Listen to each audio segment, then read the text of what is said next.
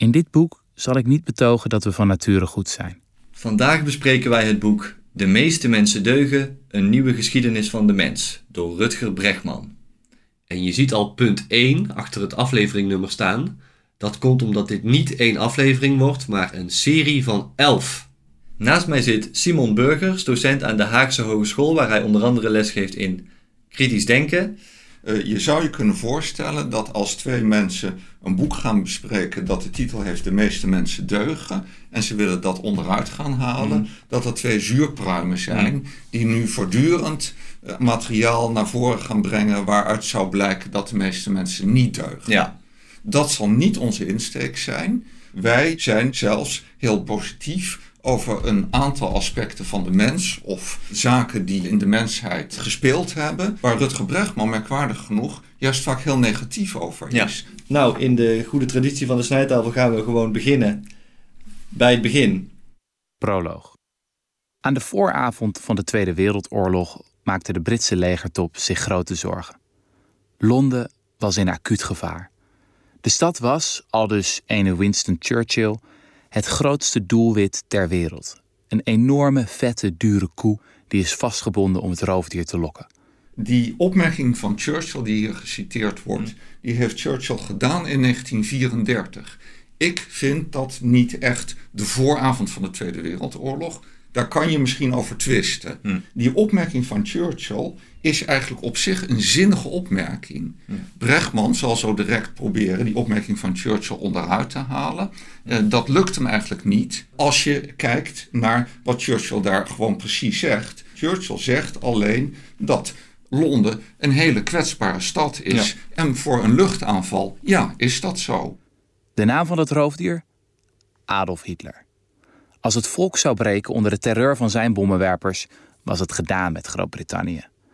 Een Britse generaal vreesde: het verkeer zal stoppen, de daklozen zullen gillen om hulp en de stad zal afglijden in totale chaos. Nou, hier gaat het eigenlijk al helemaal mis. Hm.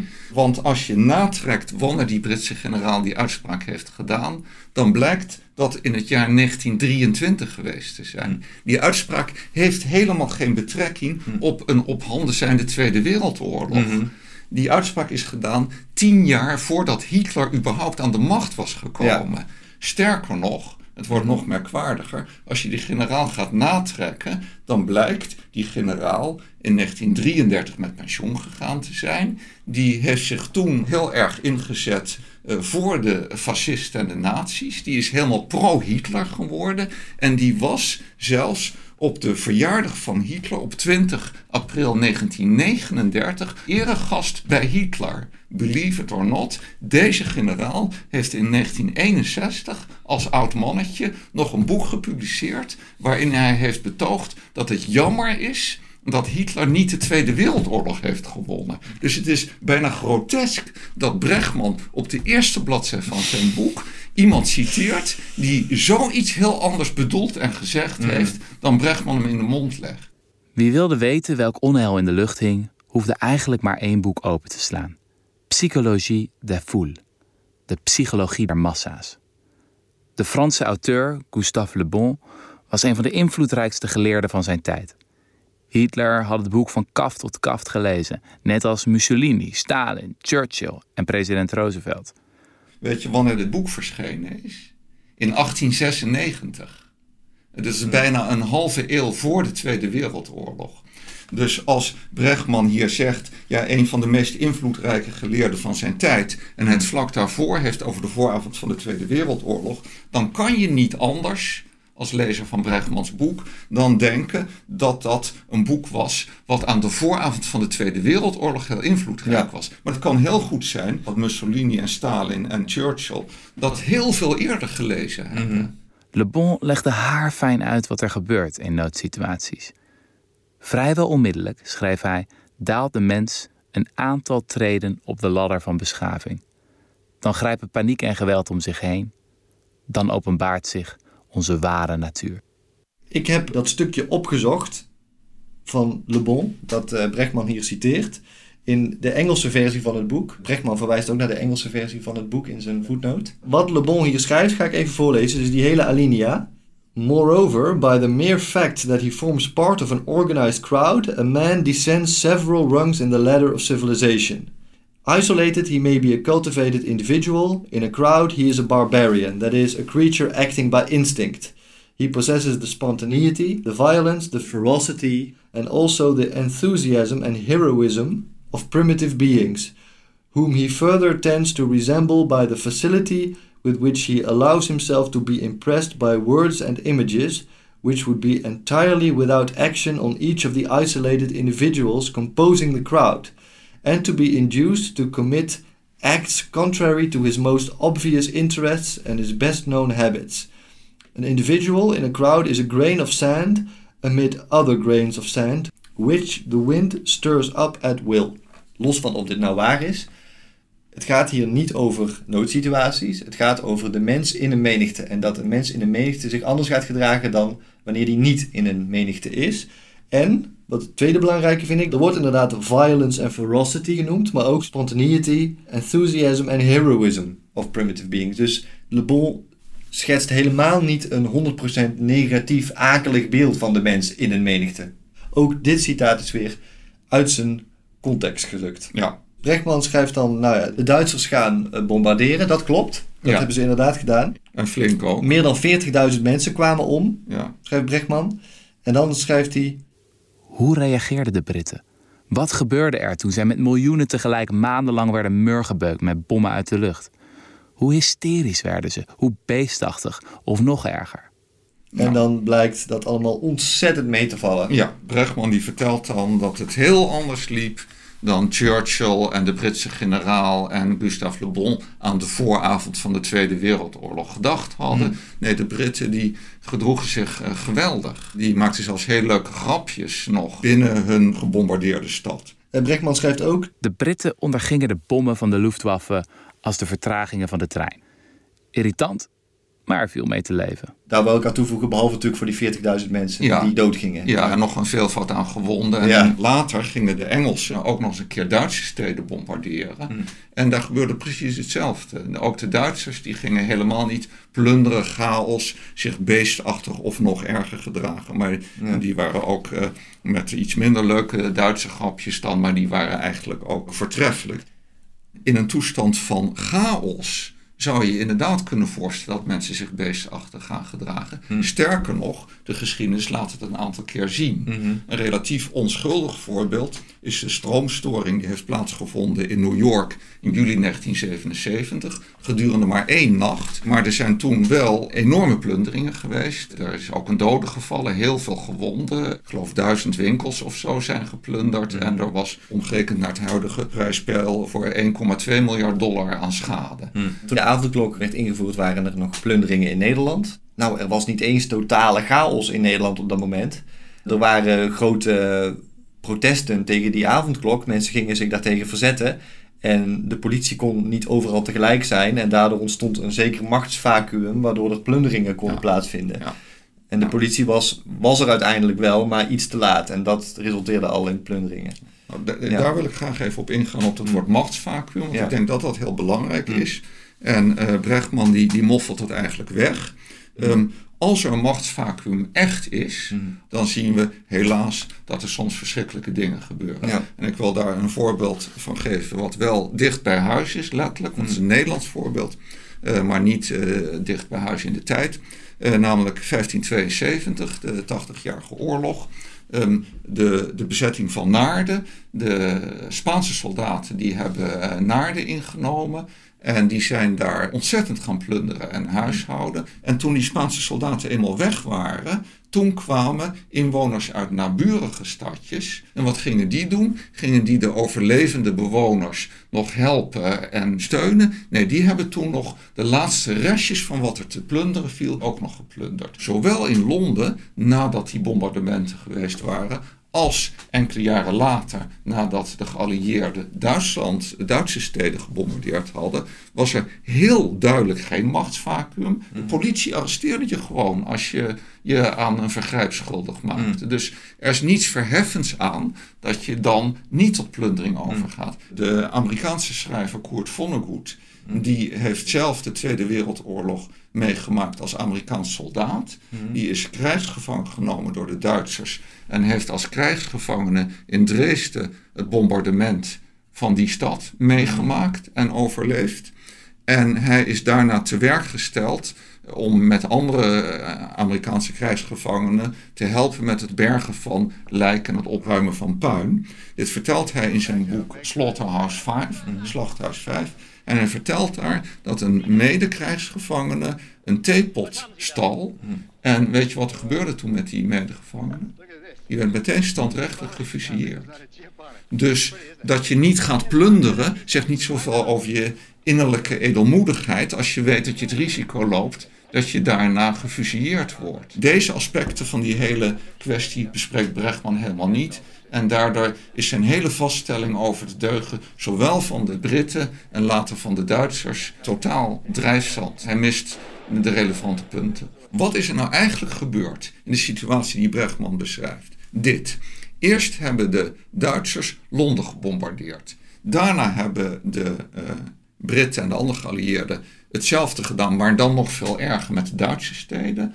Op een gegeven moment lag de helft van de Duitse steden in puin. In beide gevallen is het zo dat dat niet bijgedragen heeft aan een voordeel voor een van de strijdende partijen. Die Tweede Wereldoorlog is uitgevochten, is beslecht door legers die wonnen of verloren in veldslagen. Dit is totaal zinloos geweld.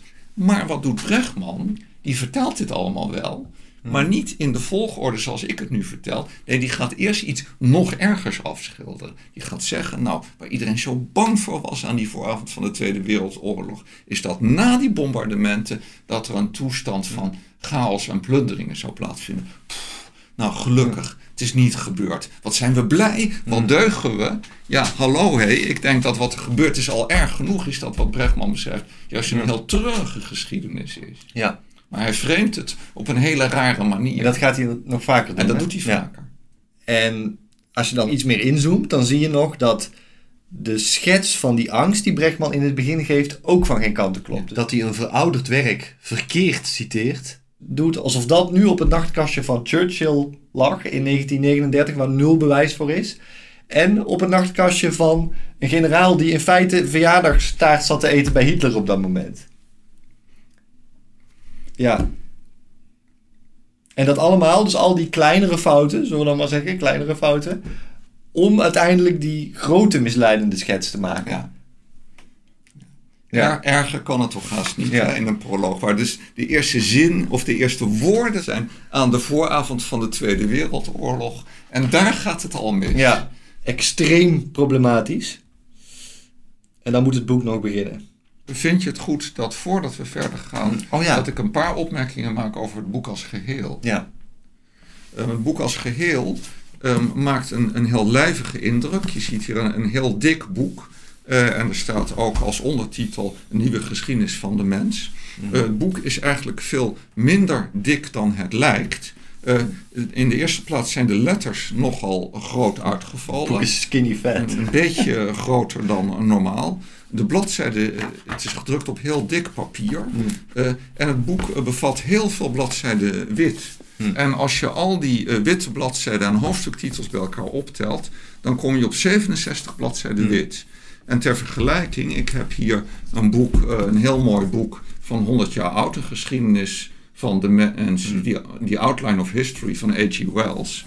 Dat boek is, dat kan je mooi zien, is kleiner in dikte en breedte dan het boek van Ja. Brechtman. Het is ook Dik, dun, ja, ja. ja. eh, eh, of breedte en hoogte bedoel ik. Het is ook dunner, het is ietsje dunner. Eh, Toch is het zo dat dit boek van Wells drie keer zoveel woorden bevat als het boek van Brechtman. Wat heel merkwaardig is in het boek van Brechtman, is dat er geen bronnenlijst in staat. Er staan wel alleen voetnoten in, dus waar je indirect de bronnen uit moet halen. Wat nog erger is, is dat er geen register in staat. En waarom is dat erg? Omdat je daardoor eigenlijk niet in een oogopslag kan nagaan welke onderwerpen Brechtman behandelt en welke niet. Nu is het zo dat er een Engelse vertaling is verschenen van het boek van Brechtman. Mm. Eh, en daar staat wel een register in. Wat dan opvalt is wat voor onderwerpen hij allemaal niet behandelt. Mm. Kolonialisme komt niet voor. Mm. Eh, concentration camps komt er niet in voor. Torture komt er niet in voor. Wat helemaal niet in het boek voorkomt is discriminatie van vrouwen, geweld tegen vrouwen, verkrachting, eh, vrouwenbesnijdenis. Een, een, toch een heel belangrijk akelig onderwerp. Eh, wat hij helemaal niet behandelt is, is discriminatie van homoseksuelen, Hm. Eh, dierenleed. En systematisch eh dierenuitbuit, wat in onze tijd nog steeds heel veel voorkomt Hm. in de bio-industrie. Het is eigenlijk een nogal conservatieve, witte, heteroseksuele, hoogopgeleide westerse mannenblik. En de holocaust behandelt hij eigenlijk wel en niet. Maar daar komen we nog op. Ja, vooral niet. Ja, maar meer niet dan wel. Ja. H.G. Wells kijkt ook veel meer naar niet-Europese dingen. In dit Mm. boek zitten wel interessante hoofdstukken over China, over Zuid-Amerika. Het zijn natuurlijk allemaal dingen die heel belangwekkend zijn en die je eigenlijk moet behandelen Mm. als je een boek schrijft dat de pretentie heeft, zie je de ondertitel, Mm. een nieuwe geschiedenis van de mens te zijn. Ja. Nou, dan denk ik dat we naar hoofdstuk 1 eh, kunnen. Hoofdstuk 1. Een nieuw realisme. Dat is nog niet deel 1, gek genoeg. We hebben eerst een proloog, dan hoofdstuk 1, Ja. dan hoofdstuk 2 en dan begint Ja, deel 1. Dat is een logica die denk ik alleen Brechtman overziet. Het eerste wat ik daaruit wil eh, citeren is het volgende. Dat mensen van nature egoïstisch, paniekerig en agressief zijn, is een hardnekkige mythe. De bioloog Frans de Waal spreekt ook wel van de vernistheorie. De beschaving zou maar een dun laagje zijn die bij het minste of geringste zou barsten. Onder dat laagje beschaving, onder dat vernis, zit iets slechts. Zit iets dat niet deugt. En dat komt dan tevoorschijn als dat dunne laagje barst. En dat barst vrij snel. Dat is denk ik de vernistheorie. Maar het is precies andersom. Juist als de bommen uit de lucht vallen of de dijken breken, komt het beste in ons naar boven. Hoe ik dit interpreteer is dat dat laagje dun is en breekt, is niet erg. Want er komt juist iets goeds, iets dat wel deugt, komt tevoorschijn. Dat diepere wat daaronder zit, Ja. is wel goed. Kijk, ik weet het boek gelezen hebbende dat die vernistheorie heel belangrijk is voor Brechtman. Dat is de theorie die hij probeert te ontkrachten met het boek. En zijn ontkrachting lijkt er hierop neer te komen. Het is een laagje vernis, maar dat het breekt is top. Ja. En dat is in feite een anti-beschavingspositie. Ja. Dat laagje beschaving, daar is hij niet zo blij mee. Nee. Dat zorgt meer voor vervelende dingen eigenlijk. We zullen zien dat hij verderop in het boek de vernistheorie op een andere manier gaat ontkrachten, die, die echt strijdig is met Mhm. deze. Namelijk, het is een hele dikke, robuuste laag, die breekt niet zomaar. Of hij is dikker aan het worden, of weet ik veel. In de hele boek kiest hij daar niet tussen en dat leidt tot tegenstrijdigheden. En wat hij hier doet, vind ik ook nog echt schadelijk. En het zal nog duidelijker schadelijk worden op latere punten in het boek. Het is niet waar dat als de beschaving barst, altijd het beste in de mens naar boven komt. Dus pleiten voor het barsten van de beschaving is een gevaarlijk pleidooi. Ja. Vervolgens gaat Brechtman het hebben over de orkaan Katrina in New Orleans. Hè, en dat is dan zo'n situatie waarin het laagje barstte, maar het beste in de mens naar boven kwam. Mhm. Omdat er eerst, nou, het is weer zo'n geval van, men zei dit, men vreesde dit, maar er gebeurde Mhm. dat. Mensen dachten dat er geplunderd was, dat er zelfs een sniper was. Hm. En verkrachtingen alom. En dat bleek allemaal niet te kloppen. En natuurlijk, wij zitten hier niet om te betogen dat al die positieve dingen die Brechtman noemt niet gebeurd zijn. En dat het in New Orleans wel eh, een Jeroen Bos-achtig eh, tafereel was na die orkaan. Het kan heel goed meegevallen zijn daar. Het is alleen moeilijk om daar zo'n algemene stelregel aan te verbinden. Omdat er ook heel veel voorbeelden zijn waarin een ramp niet het beste in de mens naar boven Ja. brengt. En de echte uitdaging is natuurlijk, waar ligt dat aan? Waarom Ja. gebeurt in de ene keer Ja. het een en de andere Ja. keer het ander? Ja. Nou, vervolgens geeft Brechtman het voorbeeld van mensen die ziek werden van Coca-Cola in België. Dus er deed een geruchtenronde dat er iets mis was met de cola. En mensen werden ook daadwerkelijk ziek, waardoor het schijn kreeg dat het echt zo was. De cola werd uit de handel gehaald en er bleek helemaal niks mis te zijn met de cola. Het was een geval van wat dan vaak massahysterie genoemd wordt. Dat is nu een beetje een controversiële term inmiddels. Maar mensen dachten dat er iets mis was met de cola en daar werden ze daadwerkelijk ziek van. En dat gebruikt Brechtman vervolgens om het begrip nocebo te introduceren. Dat is ook een belangrijk begrip in de rest van het boek. Een nocebo is een soort kwalijke variant van een placebo. Dus waar een placebo een illusie is met positieve gevolgen, is een nocebo een illusie met negatieve gevolgen. Vervolgens koppelt Brechtman dat begrip nocebo aan die vernistheorie, aan dat negatieve mensbeeld. Hij zegt, En hier komt het. Ons negatieve mensbeeld is ook een nocebo. Als we geloven dat de meeste mensen niet deugen, gaan we elkaar zo behandelen. Dan halen we het slechtste in elkaar naar boven. ik denk dat dit in ieder geval tot op zekere hoogte zo is. Een sfeer van wantrouwen, daar krijg je niet de leukste mensen van. En zeker als dat wantrouwen ook nog echt overdreven en onterecht is, dan is het denk ik zeker schadelijk. Ik wil daar wel meteen aan toevoegen dat wantrouwen ook terecht kan zijn. En dat gedrag dat mensen gaan vertonen wanneer ze de situatie niet vertrouwen, kan ook terecht zijn en kan ook levens redden zelfs. Dus je moet hier weer niet in doordraven, wat Brechtman wel gaat doen, helaas. En zeggen, we moeten als het ware afrekenen met wantrouwen. Want dat wantrouwen, dat is niet altijd onterecht en ook niet altijd schadelijk. Het is overdreven wantrouwen waar je je tegen moet wapenen. En vervolgens is natuurlijk de vraag, wanneer is het terecht? Wanneer is het niet terecht? Wanneer is het overdreven? Wanneer is het gepast? En dat is, dat is een hele interessante vraag, waar die zich weer niet echt mee bezig gaat houden. Er wordt wel eens gezegd, te is altijd verkeerd. Hè? Een te negatief mensbeeld is verkeerd, natuurlijk. Maar een te positief mensbeeld kan ook leiden tot wangedrag en tot grote ellende. Als we van de ene op de andere dag de politie af zouden schaffen, dan verwacht ik onder de streep verslechteringen in menselijk gedrag. Geen verbeteringen. Hè? De politie is er niet voor niets. En dat is ook meteen alweer een weerlegging van wat hij net zei. Als de bommen uit de lucht vallen of de dijken breken, komt het beste in ons naar boven. Als de politie ermee stopt, komt niet per se het beste in ons naar boven. Het gaat erom, denk ik, een realistisch mensbeeld te hebben. Niet, niet te negatief, zeker, niet te negatief, maar ook niet te positief. Dus allebei, ehm, allebei gevaarlijk. Eh, maar Brechtman gaat alleen maar afrekenen met dat te negatieve. En gaat ook doen alsof we dat, daar allemaal enorm aan lijden. Onze samenleving nu vooral. Ehm, en helemaal niet waarschuwen voor het te positieve. Waar je denk ik even goed voor moet waarschuwen als je een realistisch boek wilt schrijven, wat hij wel beweert te doen. En dan schrijft Brechtman, tot mijn verbazing, In dit boek zal ik niet betogen dat we van nature goed zijn. nou dat lijkt mij in tegenspraak met de titel, de meeste mensen deugen. Gelukkig ligt hij het wel verder toe. Mensen zijn geen engelen. We hebben een goed been en een slecht been. De vraag is welke we trainen. Dus nu lees ik, we zijn van nature neutraal, we hebben een goede en een slechte kant. We kunnen kiezen om de goede of slechte kant te trainen. Dat vind ik al een stuk minder optimistisch dan zeggen de meeste mensen deugen. Ik weet niet hoe ik dan de titel zou formuleren, dat is nu ook niet mijn probleem. Maar ik vind het minder optimistisch. En ook zegt hij nu we, wat toch suggereert dat het nu over iedereen gaat en niet over de meeste mensen. In die zin wordt het weer optimistischer juist dan de titel. Ja. Het lijkt nu over iedereen te gaan, terwijl de Ja. titel zegt ja, de meeste, de meerderheid. Ja. Dus ook een minderheid niet, impliceert dat, deugt niet. Ik zal slechts betogen dat we van nature, als kind, op een onbewoond eiland, als een oorlog begint of de dijken breken, een sterke voorkeur hebben voor dat goede been.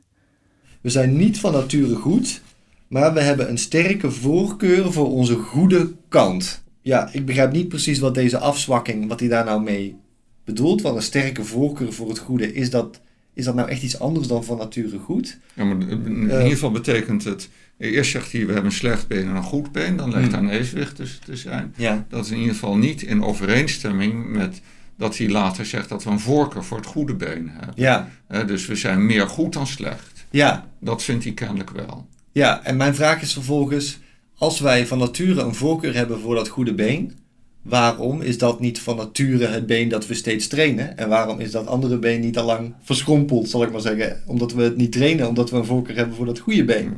Vervolgens zegt hij, Ik zal een grote hoeveelheid wetenschappelijk bewijs aandragen waaruit blijkt dat een positiever mensbeeld realistisch is. dat wil zeggen dat hij denkt dat het mensbeeld dat we nu hebben te negatief is en dat het wat positiever mag. Dat vind ik ook alweer veel bescheidener dan zeggen de meeste mensen deugen. Ja. Maar is ons huidige mensbeeld dan zo weinig positief? Ja, Het is niet zo Eh. dat ik omringd ben door allemaal mensen die eh, heel verbitterd uh, alsmaar het hebben over hoe slecht de mens is. ja. En dat hoor ik helemaal niet zoveel. Dus positiever dan wat eigenlijk. Ja. ja, positiever dan wat? Dan de denkbeeldige tegenstander van Brechtman eigenlijk, die de vernistheorie aanhangt. En ik vraag me af hoe talrijk en machtig Hmm. die, die mensen nou eigenlijk Ja. zijn. En dan zegt hij, Tegelijkertijd denk ik dat het nog realistischer kan worden als we erin gaan geloven. dus hier komt dat nocebo terug. Een positieve mensbeeld zou beter aansluiten bij de realiteit dan het huidige super negatieve mensbeeld.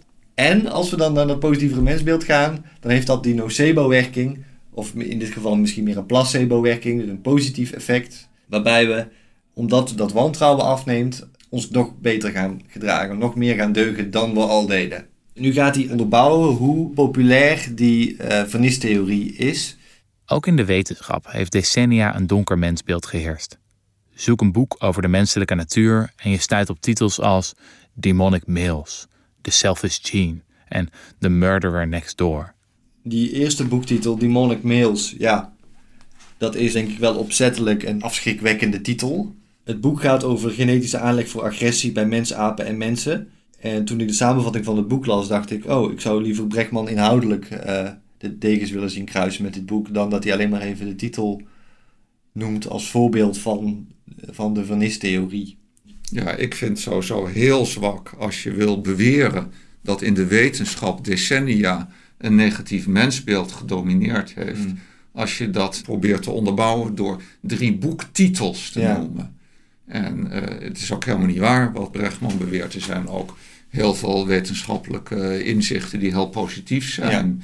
Eh, ik kan bijvoorbeeld noemen eh, Hofstetter, een Amerikaanse filosoof, die heeft wat onderzoek gedaan naar de voordelen van samenwerking via allerlei speltheoretische situaties. Heeft dat in computerprogramma's uitgewerkt. En eh, nou, daar komen heel positieve dingen uit. Dat, dat samenwerking, zelfs als die gebaseerd is op eigen belang, in wederzijds voordeel kan zijn. Dat is allemaal heel goed nieuws. En er is allerlei ander onderzoek wat helemaal niet eh, negatief is. Ik vind het echt cherrypicking. Ja, en wat hij ook noemt in dit stuk is, en daar gaat hij later nog verder op in, als voorbeeld van de heersende vernistheorie, Mm. een deprimerende versie van de evolutietheorie, zoals Brechtman het noemt. Zelfs als een dier iets aardigs leek te doen, werd het nog als egoïsme neergezet. Maar daar kom ik later op terug als hij het echt over de selfish gene gaat hebben. Ja. Brechtman beschrijft vervolgens de egoïstische homo economicus uit de klassieke economie. Het idee dat de economie gebaseerd moet zijn op het idee dat de mens volstrekt egoïstisch is. Eh, uit onderzoek blijkt volgens Brechtman dat de homo economicus meer een chimpansee is dan een mens. En dat vindt Brechtman heel grappig. Maar vervolgens schrijft hij... Minder grappig is dat het economische mensbeeld decennia als een nocebo heeft gewerkt. Al in de jaren 90 vroeg de econoom Robert Frank zich af wat het beeld van de mens als egoïstisch wezen met zijn studenten deed. Hij liet ze allerlei opdrachten doen, waarin hun vrijgevigheid werd gemeten. En wat bleek? Hoe langer ze economie hadden gestudeerd, hoe egoïstischer ze waren. We worden wat we onderwijzen. Aldous Frank. Dit is het eerste punt in het boek, en dat gaat nog heel vaak terugkomen, dat ik me afvraag of hier sprake is van een correlatie of een causatie. Soms is er een samenhang tussen twee dingen, zonder dat het ene veroorzaakt wordt door het ander. En dat is een heel bekend probleem bij het duiden van onderzoeksresultaten, dat Brechtman niet eens behandelt. Die Robert Frank die is een econoom. Dus voor zover ik hier uit op kan maken, heeft hij dit getest met studenten die economie studeerden en niet Ja. met studenten die iets anders Ja. studeerden. En dan heeft hij eh, lagere jaars en hogere jaars getest of zo. En die hogere jaars die gaven eh egoïstischere antwoorden. Of die, eh, ja, die voerden de opdracht op een egoïstischere manier uit. En daar concludeert die Frank dan uit, volgens Brechtman, dat economie studeren je egoïstischer maakt. Ja. Ja, dat is helemaal niet de conclusie die je op basis daarvan Nee. kunt trekken. Het kan zijn dat mensen met het ouder worden egoïstischer ja, worden. zeker. Het zeker. kan zijn dat mensen die heel erg van economiestudies houden en dat dus langer blijven studeren, Ja. die niet afhaken, dat Ja. dat de egoïstischere mensen zijn. Dat zou, ik zeg niet dat dat zo is, maar Ja. dat zou ook nog kunnen. Op zijn minst had hij als controlegroep een, eh, een stel studenten moeten nemen die muzikologie studeert. En eens kijken of die, eh, nadat ze drie jaar muzikologie hebben gestudeerd, ook egoïstischer geworden zijn dan toen ze net begonnen. Dat mensen van nature egoïstisch zijn, is een leerstuk dat in het Westen al eeuwen wordt onderwezen. Grote denkers als Thucydides, Augustinus, Machiavelli, Hobbes, Luther, Calvijn, Burke, Bentham, Nietzsche, Freud en de Amerikaanse Founding Fathers onderschreven stuk voor stuk de vernistheorie van de beschaving. Nou, hier ben ik het echt niet mee eens. Ook met de voorbeelden die hij noemt. Ik denk dat het nu te ver gaat daarop in te gaan. Op die founding fathers wil ik graag terugkomen. Want dat doet Brechtman ook. Ja. Machiavelli is denk ik terecht Ja, en Luther en Calvijn denk ik ook wel. Freud was wel een pessimist. Mm. Nietzsche die had eigenlijk een optimistisch idee van Mm. dat wij op weg zijn naar eh, een ubermensch aan Ja. worden. Thucydides is gewoon een Griekse geschiedschrijver. Mm. Vind ik ook wonderlijk om die in dat rijtje op te nemen. Ja. Het blijft cherrypicking natuurlijk, want tegenover iedere filosoof die hij noemt met een donker mensbeeld, volgens hem, kun je een filosoof zetten met een positiever mensbeeld. Oké, en dan het laatste. Ehm, een paar pagina's verder zegt Brechtman, Wie het opneemt voor de mens, neemt het ook op tegen de machtigen der aarde. Waarmee hij suggereert dat de machtigen der aarde iets tegen de mens hebben. Dus nu zien we voor het eerst, denk ik, de omvang van zijn denkbeeldige tegenstander. Dat Ja. zijn de machtigen der aarde. Ja. Voor hen is een hoopvol mensbeeld ronduit bedreigend, staatsgevaarlijk, gezagsondermijnend. Het impliceert immers dat we geen egoïstische dieren zijn die van bovenaf moeten worden gecontroleerd, gereguleerd en gedresseerd. Het impliceert dat de keizer geen kleren aan heeft. Een bedrijf met intrinsiek gemotiveerde werknemers kan prima zonder managers. Een democratie met betrokken burgers heeft geen politici nodig. Ja, dit komt op mij over als een complottheorie. Dat machtige mensen hem weg willen hebben met zijn ideeën. Een democratie met betrokken burgers heeft geen politici nodig. Ja, natuurlijk. dat is Waanzin. onwaar. Want we willen niet uh, alsmaar zelf heel veel uren per week bezig zijn met bestuur. Daar zal Ja. toch ook iets centraal Ja. geregeld moeten worden door beroepspolitici. Maar het beeld wat hij hier geeft, dat eh, de machtigen der aarde een hoopvol mensbeeld proberen verborgen te houden, dat is feitelijk helemaal onjuist. Ja. Het is ook merkwaardig, vind ik, van Brechtman, die geschiedenis gestudeerd heeft, dat hij kennelijk zo weinig eh, kennis heeft van wat de echt machtigen der aarde doen in dictaturen. Want wat doen die namelijk? Die hebben, eh, zijn voortdurend bezig met een overdreven positief mensbeeld. Ja. Hè, in in eh, communistisch Rusland was altijd, het is allemaal heel vrolijk en leuk en het gaat heel goed. En er wordt heel hard gewerkt en dat, dat zie je dan, zag je in de Pravda, de communistische staatskrant staan. We hebben weer meer staal geproduceerd. De landbouw was nog weer beter geworden. Ja. En in een klein hoekje stond dan een foto van een sloppenwijk in Amerika. Daar is de een ellende, maar het gaat hier heel goed. We Ja. doen het allemaal geweldig. En in communistisch China ook. Dat doen juist dictaturen. Zeggen het gaat heel goed en we zijn allemaal geweldig en zijn fantastisch bezig. En er gaan een paar dingen niet goed. Maar dat komt alleen door enkelingen. Ja, door- en zijn door- dat wel mensen? en dat zijn nauwelijks mensen. Dat Ja. zijn eh, handlangers van de CIA of Ja, van, ja. van een buitenlandse mogendheid. Politici zijn in het algemeen handiger dan Brechtman. Dat wat je niet moet doen is zeggen, wat Brechtman dus beweert dat politici wel doen. Je moet niet zeggen, jullie zijn allemaal slecht. Dat is tamelijk debiel als je dat zegt, want dan krijg je geen kiezers. Maar, En- maar wat ze zeggen kan nog iets anders zijn dan wat ze ja, nee, tuurlijk. denken. Tuurlijk. Hè? Ja, maar Brechtman beweert hier hè, dat machthebbers dat hoopvolle mensbeeld verdonkere manen. Hmm. En dat wordt juist eigenlijk altijd uitgedragen. Ja, het is zeker niet zo als je dat uit gaat dragen dat je dan eh, verketterd wordt. Nee, of, eh, in tegendeel. de- nee. Integendeel. Ik heb het idee dat Brechtman in Nederland met deze alinea en sowieso met de vernistheorie vooral rechtse partijen op de korrel wil nemen. En ik heb daar een heel makkelijk tegenargument tegen, namelijk eh, dat de VVD en ook het CDA bijvoorbeeld Mhm. ehm, in de coronacrisis in het begin dachten dat er helemaal geen handhaving of wetgeving nodig Ja. zou zijn om te zorgen dat mensen zich aan de corona-adviezen Ja. zouden houden. Ja. Dus zelfs die partijen waarvan ik echt zeker weet dat Brechtman ze hier in het vizier heeft, die hebben tot het laatste moment, en zelfs nog voorbij het laatste moment misschien wel gewacht, met het afdwingen van die coronamaatregelen. Over wie gaat het dan eigenlijk nog?